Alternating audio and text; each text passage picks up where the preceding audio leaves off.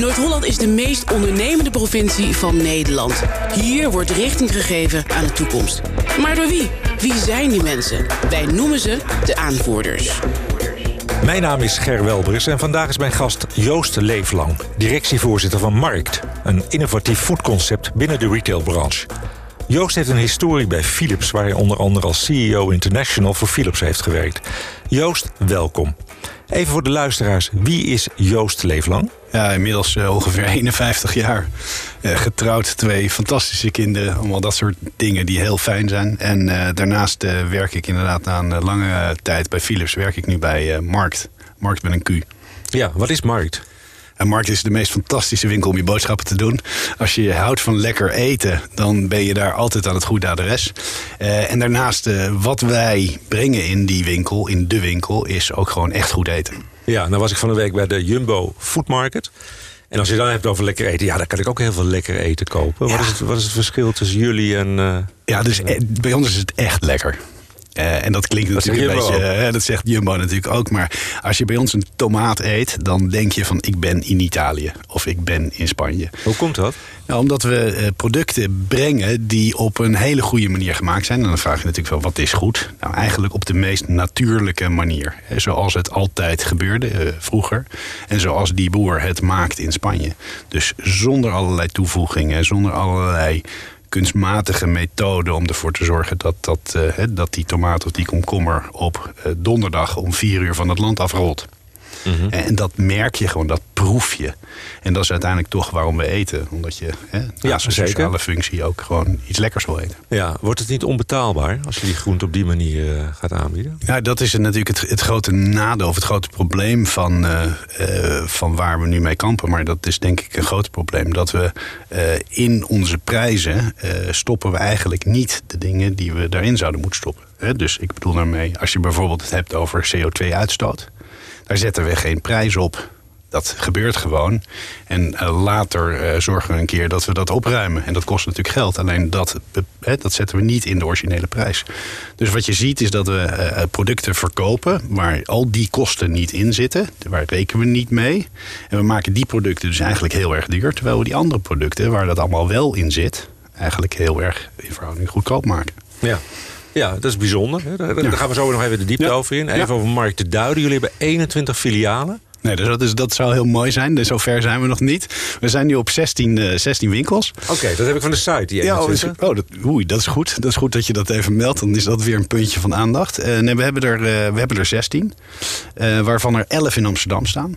Dus dat is, ja, we zijn echt tot nu toe een Amsterdams bedrijf. -hmm. We hebben er twee in Rotterdam, twee in Den Haag en één in Haarlem. Oké, okay, en zijn, zijn dat de plekken waar mensen ook echt geboeid zijn? Of geïnteresseerd zijn in lekker eten. Ja, dan ga, ja. ja, dan ga je ervan uit dat eh, alles vanuit een gedachte komt. Dat je eerst hè, dat je goed hè, nadenkt over wat je doelgroep is. Je gaat dan door het hele land heen. Ik denk wat, uh, wat, wat heel mooi is bij Markt... is dat er een heel mooi idee kwam. Een goed idee kwam. En dat dat in Amsterdam is neergezet. Uh, en van daaruit is gaan groeien. Hè. Dus dat je ziet als je in Amsterdam werkt... dat je dan steeds meer kennis krijgt over de klant in Amsterdam. Dat je steeds beter weet hoe het in Amsterdam werkt. Hè, dat je daarna een stapje naar rechts neemt. En dat je, of naar links, hoe je het ook ziet, naar Haarlem gaat. Dat daar weer een aantal dingen leert.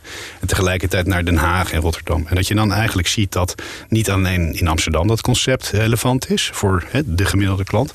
Maar ook in andere steden. Ja, ik, ik schaam me diep, maar ik ben nog nooit in een van je filialen binnen geweest. Dat Ga is wel binnenkort wel, moet je, ja. daar zullen we zo even gaan. Ja, maar, maar help me virtueel eens door zo'n zaak heen, door zo'n markt. Ja, wat je ziet is echt wel een markt. En, en vooral aan het begin, dus toen we begonnen, was dat echt helemaal nieuw.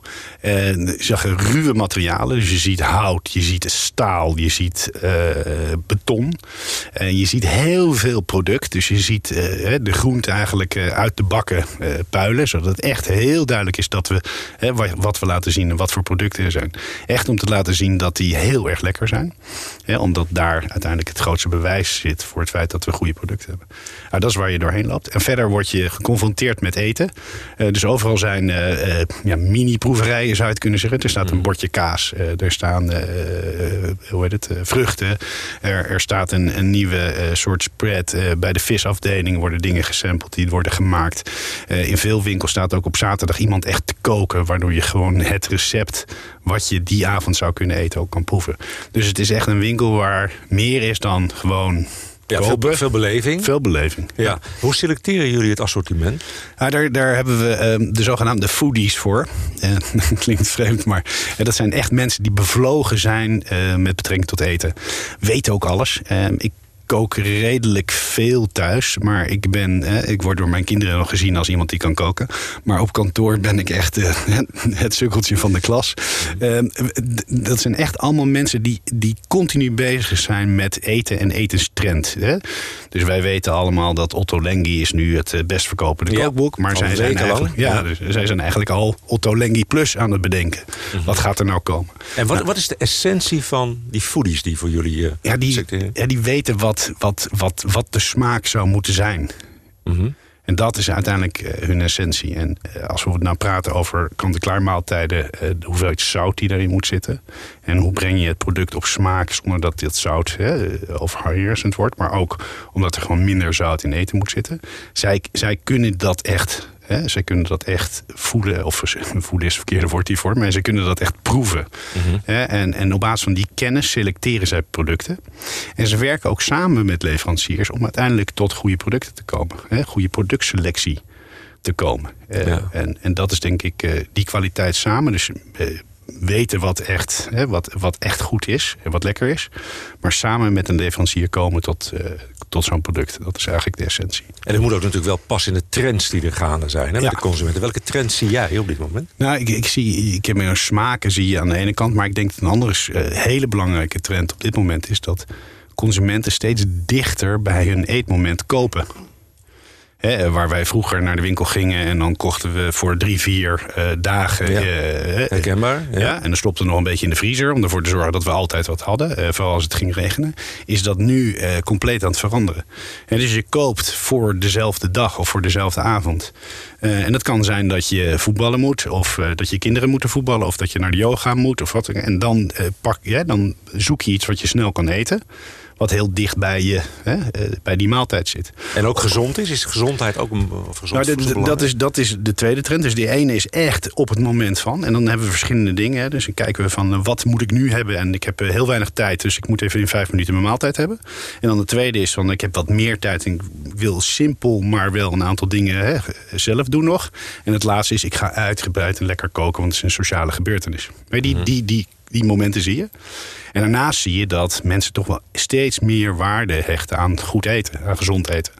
En ook, ook eten wat op een, op een goede manier geproduceerd is. Ja, denk ik dan. Hè? Dat... Jullie verkopen ook vlees en vis. Ja. Ja. Wordt daar ook speciaal naar gekeken ja, hoe dat tot stand ja, dus, is uh, ja, ik vind het beste voorbeeld. Vind ik, een vlees heb je natuurlijk. Uh, je kan uh, met allerlei manieren met de koeien omgaan. Ja. Uh, en dat kan je op de best mogelijke, als we het dan toch doen. En dat deden we natuurlijk ook al vanuit het verleden, uh, honderden jaren doen we dit.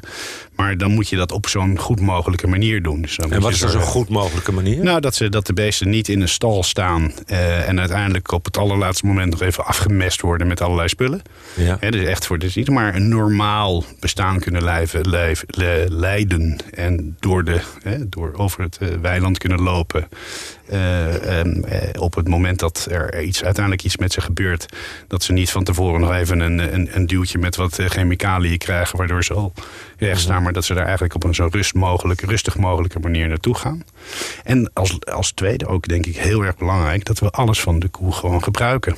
dat we niet allerlei restafval eruit laten wat we gewoon ergens in de prullenbak gooien. Want dan, hè, dan ja. is dat leven ook voor een deel waardeloos geweest. Hoe, hoe groot is het verschil in prijs tussen een, uh, de koe die jij beschrijft... die een fatsoenlijk leven heeft gehad in alle ruimte... en de koe die uit zo'n productiebedrijf komt? Hoe, hoe vertaal je het in, in het schap, zeg maar, hè? bij, bij een biefstuk of zo? Ja, ik zat, uh, stond la, laatst ergens een keer een, een heel goed voorbeeld, uh, specifiek voorbeeld in de krant. En volgens mij heb je het dan over 20 procent. Dat valt mij mee. Ja. Ik dacht dat het verschil veel groter zou zijn. Ja, maar het is zo 20, 20 procent. Ja. Ja. Dus het kan ook echt wel. Merk je bij de consument dat hij ook bereid is om die 20 procent te betalen...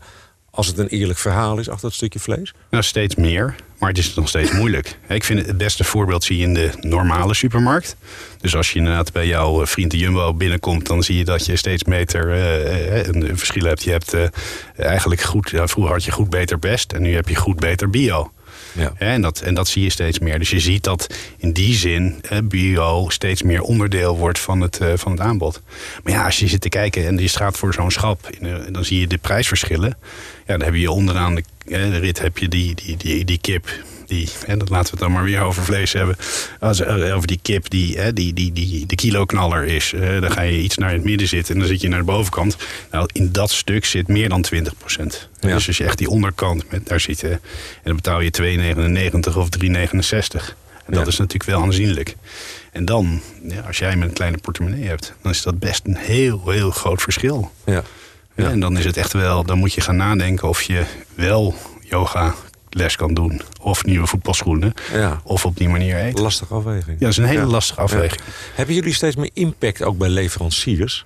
Nou, dat, dat is wel. eh, We werken heel actief samen met leveranciers. En daardoor denk ik dat je uiteindelijk impact kan realiseren. Want je selecteert ze ook echt op dat, dat je zeker weet dat bijvoorbeeld dat vlees ook Ja. van goede herkomst is. ja. Dus je gaat samen met de slager, ga je naar leveranciers, boeren toe. En, en je kijkt gewoon hoe de, hoe de koe daar opgroeit. Hè.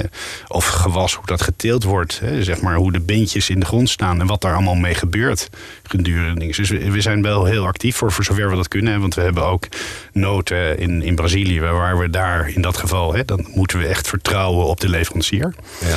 Eh, en dan zoeken we echt naar leveranciers die eenzelfde soort bevlogenheid hebben. Niet alleen voor de kwaliteit van het voedsel, maar ook voor de kwaliteit van het maken van het voedsel. Ja. En daardoor weten we dan uiteindelijk wat er, hè, wat er gebeurt. Ik zag op de site staan, jullie hebben geen aardbeien in de winter. Wat is daar het verhaal achter?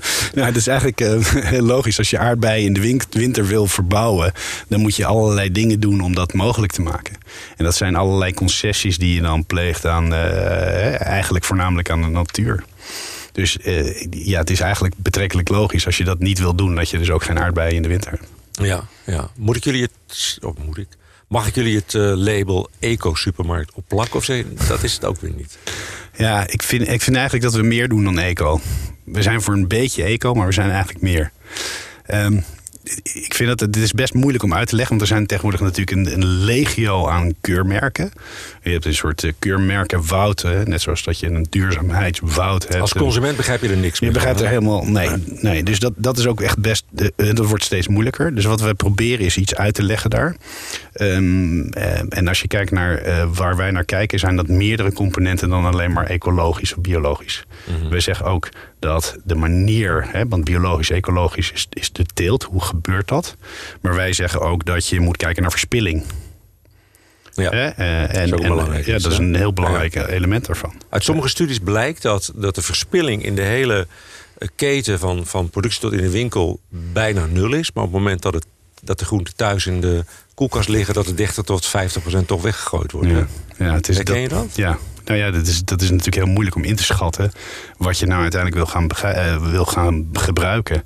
En wanneer je het gebruikt. Want je weet niet altijd wanneer je dat doet. Mhm. Dus eigenlijk zou je, als je erover nadenkt, zou het beste zijn als je van mond tot grond, of andersom bedoel ik, van grond tot mond. Ja. Als je die keten zo efficiënt mogelijk zou kunnen maken. Als je daar eigenlijk hè, alle stappen die daartussen passen, dat je die op elkaar zou aansluiten.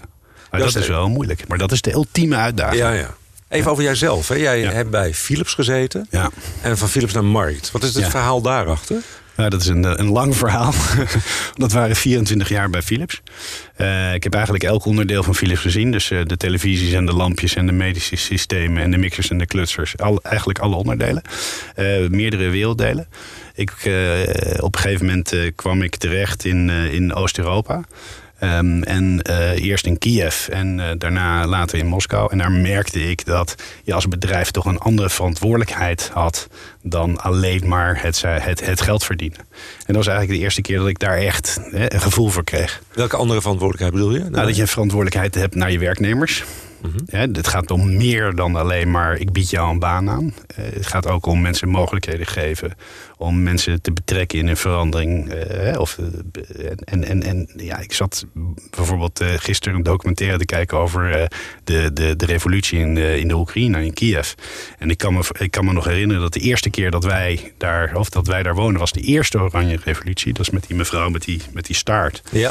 Ehm, en, en de meneer met het pokdalige gezicht, dat heette de, de Oranje Revolutie.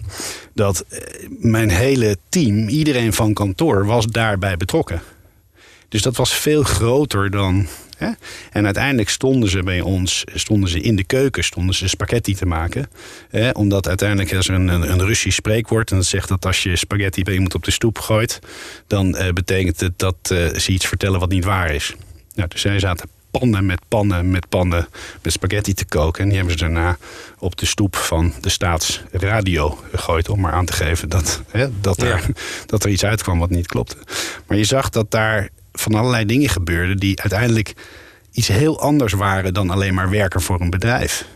Uh, en dat er een soort familiegevoel was die uiteindelijk ervoor zorgde dat dat bedrijf groot werd. Ja. ja, ik kom daar als buitenstaander. Ik kan daar minder makkelijk over oordelen welke kant ik moet kiezen.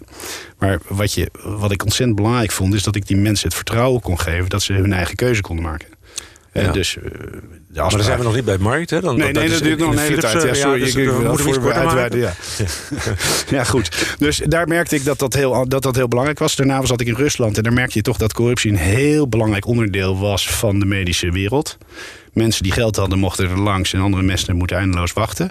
En uiteindelijk waren er mensen die heel rijk werden van het feit dat er op een hele rare manier via de overheid geïmporteerd wordt. Nou, ik dacht als ik daar nou eens iets voor kan bedenken waardoor dat anders kan, dan help ik uiteindelijk het hele systeem. Nou, eh, er gebeurde nog een paar keer van dat soort dingen. Dus op een gegeven moment was ik, eh, was ik bij Philips en ik voelde dat, hè, dat, er, dat, er, dat ik zelf een aantal andere dingen wilde doen. En toen kwam er een reorganisatie aan um, die ik bedacht had. En ik dacht eigenlijk van oké, en als deze reorganisatie gebeurd is, dan ja, ben ik zelf overbodig. Nou, een groot bedrijf zorgt dan goed voor zijn mensen. Ja. ja en geef je de mogelijkheid om, uh, om na te denken over wat je, uh, andere dingen die je dan wil gaan doen. En toen heb je markten opgericht, ben je gestart? Nee, ben ik niet gestart. Nee, ik ben niet de oorspronkelijke oprichter. Okay. Dat, zijn, dat zijn er twee. Uh, Curijn Bolle en Maaike Beren. En uh, die hebben samen echt de markt uit de, uit de grond getrokken. Met heel veel hard werk ervoor gezorgd dat die, dat markt staat. Mm. Nee, ik, ik, ik ben daar uiteindelijk toegekomen omdat ik zelf vond dat ik op een andere manier wilde gaan werken. En dat, ik, dat ik vond dat ik met, uh, zeg maar, dat, noemt dat zo, zogenaamd social impact ondernemen. En zodat je vanuit een bedrijfsmatige manier iets kan veranderen. Ja. En dat had ik in mijn Philips tijd uiteindelijk gemerkt dat dat kon. En ik dacht van nou, dat is iets wat ik wil gaan doen. En toen ben ik uh, wat bedrijven gaan helpen. Hè, omdat je met 24 jaar ervaring over de verschillende plaatsen in de wereld, verschillende soorten bedrijven, best wel wat uh, te vertellen hebt. En ik kwam steeds meer en verder in aanraking met bedrijven die dit soort dingen deden. Die is echt met een, een sociale inslag uh, een bedrijf aan het voeren waren. en toen uiteindelijk kwam ik bij Mark terecht. En ik ben al honderd jaar ook zelf een beetje een foodie. Ja. en ik shop graag. En daarnaast, ja, zo kwam het bij elkaar. En wat is jullie groeiambitie? Nou, we, willen, we zeggen we willen impact maken. En ja. hoe maken we impact? Als we ervoor zorgen dat meer mensen de mogelijkheid krijgen om een keuze te maken. En de keuze is dan regulier voedsel of goed gemaakt voedsel. En daarvoor hebben we meer winkels nodig. Mm -hmm. En de doelstelling is om daarmee snel te groeien. En we hebben er nu 16. En we willen door. Waar, waar praat je over? Waar wil je uiteindelijk... Uh... Nou, uiteindelijk wil je, uh, en dat is meer een bedrijfsmatige achtergrond. Uh, wat kan en wat kan niet.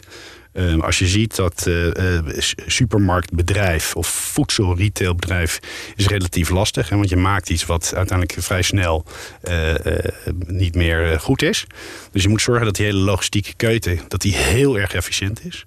Nou, dus waar, waar je uiteindelijk voor moet hebben is schaal om dat te kunnen doen. Want dan kan je vaker bestellen, zorgen dat alles mm -hmm. werkt en dat soort dingen. Dus waar hebben wij... nou, ik uh, ze, maakt niet zo heel veel uit, maar 40 plus winkels voor nodig. Ja, ja. Maar je hebt nu al 68 vacatures, zeg ik. Dus ja, goed hè? Ja. ja. ja. Is zo lastig om mensen te krijgen? Nou, wat je, wat je ziet is dat we hebben natuurlijk winkels. En in winkels staan uh, allerlei mensen die daar uh, werken. Dus we hebben natuurlijk de mensen die de, schappen bijhouden. Uh, de mensen die ervoor zorgen dat de producten goed liggen. dus de, de vis en de vlees en de kaas. en, en de groenten. En, daarnaast hebben we natuurlijk nog allerlei management en supportive. Nou, als je elke keer als een nieuwe winkel opent... dan heb je een hele groep nieuwe mensen nodig. Dus we, zitten, uh, we, hebben, we hebben twee soorten winkels. Eén soort winkel is een echte grote uh, supermarkt. Daar heb je vrij veel personeel nodig. Dus we hebben in totaal ongeveer 40 mensen. En inmiddels hebben we ook een kleinere supermarkt. En dan doen we het een beetje anders. Uh, wat we daar hebben is dat we eigenlijk werken met vast, vaste mensen op vaste dagen. Het is niet zoals jij normaal in de supermarkt altijd hoort dat uh, de mensen daar heel snel weer verdwijnen. Wat we daar proberen is echt mensen uh, op langere termijn echt een baan te geven in het vak wat ze heel leuk vinden. En dat is bijvoorbeeld de kaasboer ja. of de, de visman. Ja. Dus daar zie je ook die maatschappelijke Ja, functie zie eigenlijk zie je ook een ja, een maatschappelijke functie terug. Ja, dat is voor jullie heel, heel belangrijk Ja, in, heel het, belangrijk. in het DNA. Ja, ja Van dat Mark. zit overal in. Ja. Ja. Ja. Ja. Als je kijkt naar de voeding eh, op dit moment, mensen zijn bewuster aan het worden. Hoe kijk jij het aan tegen, tegen voeding die minder gezond is? Zou die zwaarder belast moeten worden vanuit de overheid? Eh, wat ik net uit probeerde te vertellen is dat er zitten er geen kosten in voor de verkeerde, voor de verkeerde dingen. Dus als we rommel maken, dan wordt in die voeding die, dat eigenlijk niet doorberekend. Dus ik Ja. vind echt dat we ervoor moeten zorgen dat die prijs, die echte prijs, dat we die op slechte voeding moeten zetten. En dat we misschien wel eens na moeten denken over die, of we die goede voeding niet wat goedkoper kunnen maken. Ja. Dan maken we het voor mensen veel makkelijker om die keuze te maken. Want ik begrijp dat suiker is een bestanddeel, een ingrediënt wat heel goedkoop is. Ja. Dus ook heel veel wordt toegepast. In Ja, en dat zorgt ervoor dat je product heel lang in leven blijft, zeg maar. ja. Maar het is natuurlijk voor ons, is, weten we dat suiker een van de slechtste componenten van voedsel is. Eh, diabetes is Ja. voor een heel groot deel daar. Eh, Voor, voor, voor- voorbeeld, hè, je kan, eh, dat vertelde laatst een van de jongens die, eh, van kantoor, die fietst elke dag vanuit Haarlem fietst in Amsterdam. En die zei van nou, ik kan twee dingen doen. Ik kan eh, bij een supermarkt kan ik eh, gewoon van dat bruine brood kopen. Of ik kan bij een markt bruin brood kopen. Als ik bij de supermarkt eh, eh, brood kom, dan koop, dan heb ik echt wel acht boterhammen nodig. En bij markt vier. Ja? Ja. Nou, dat, dat is een verschil in, in voedzaamheid. Maar je moet je voorstellen dat je op die eh, acht boterhammen... moet je ook weer acht keer iets smeren. Ja. En als daar ook weer allemaal suiker in zit... dan neem je dus excessief veel Mhm. hè, dingen... eh, hè, laat je tot jezelf komen. Als je er maar vier neemt, dan kan je dat beter doen. Als er ook nog minder in zit... dan doe je dus verdubbeld dingen goed. Ja. Ja? Ja. Nou, en dat is ook, zeg maar, als je, als je op langere termijn kijkt, dan zie je dat we daar echt een, een oplossing te pakken hebben. Dus we weten dat we straks een probleem krijgen met de hoeveelheid voedsel die we kunnen maken in de wereld. En dus we moeten. Het moet anders. We moeten anders. Moet anders. Ja, we moeten anders gaan eten. Ja. Nou, ik wil je heel erg hartelijk bedanken voor dit eh, mooie gesprek. En graag tot de volgende keer. Dit was De Aanvoerders, een podcastserie van NH Media.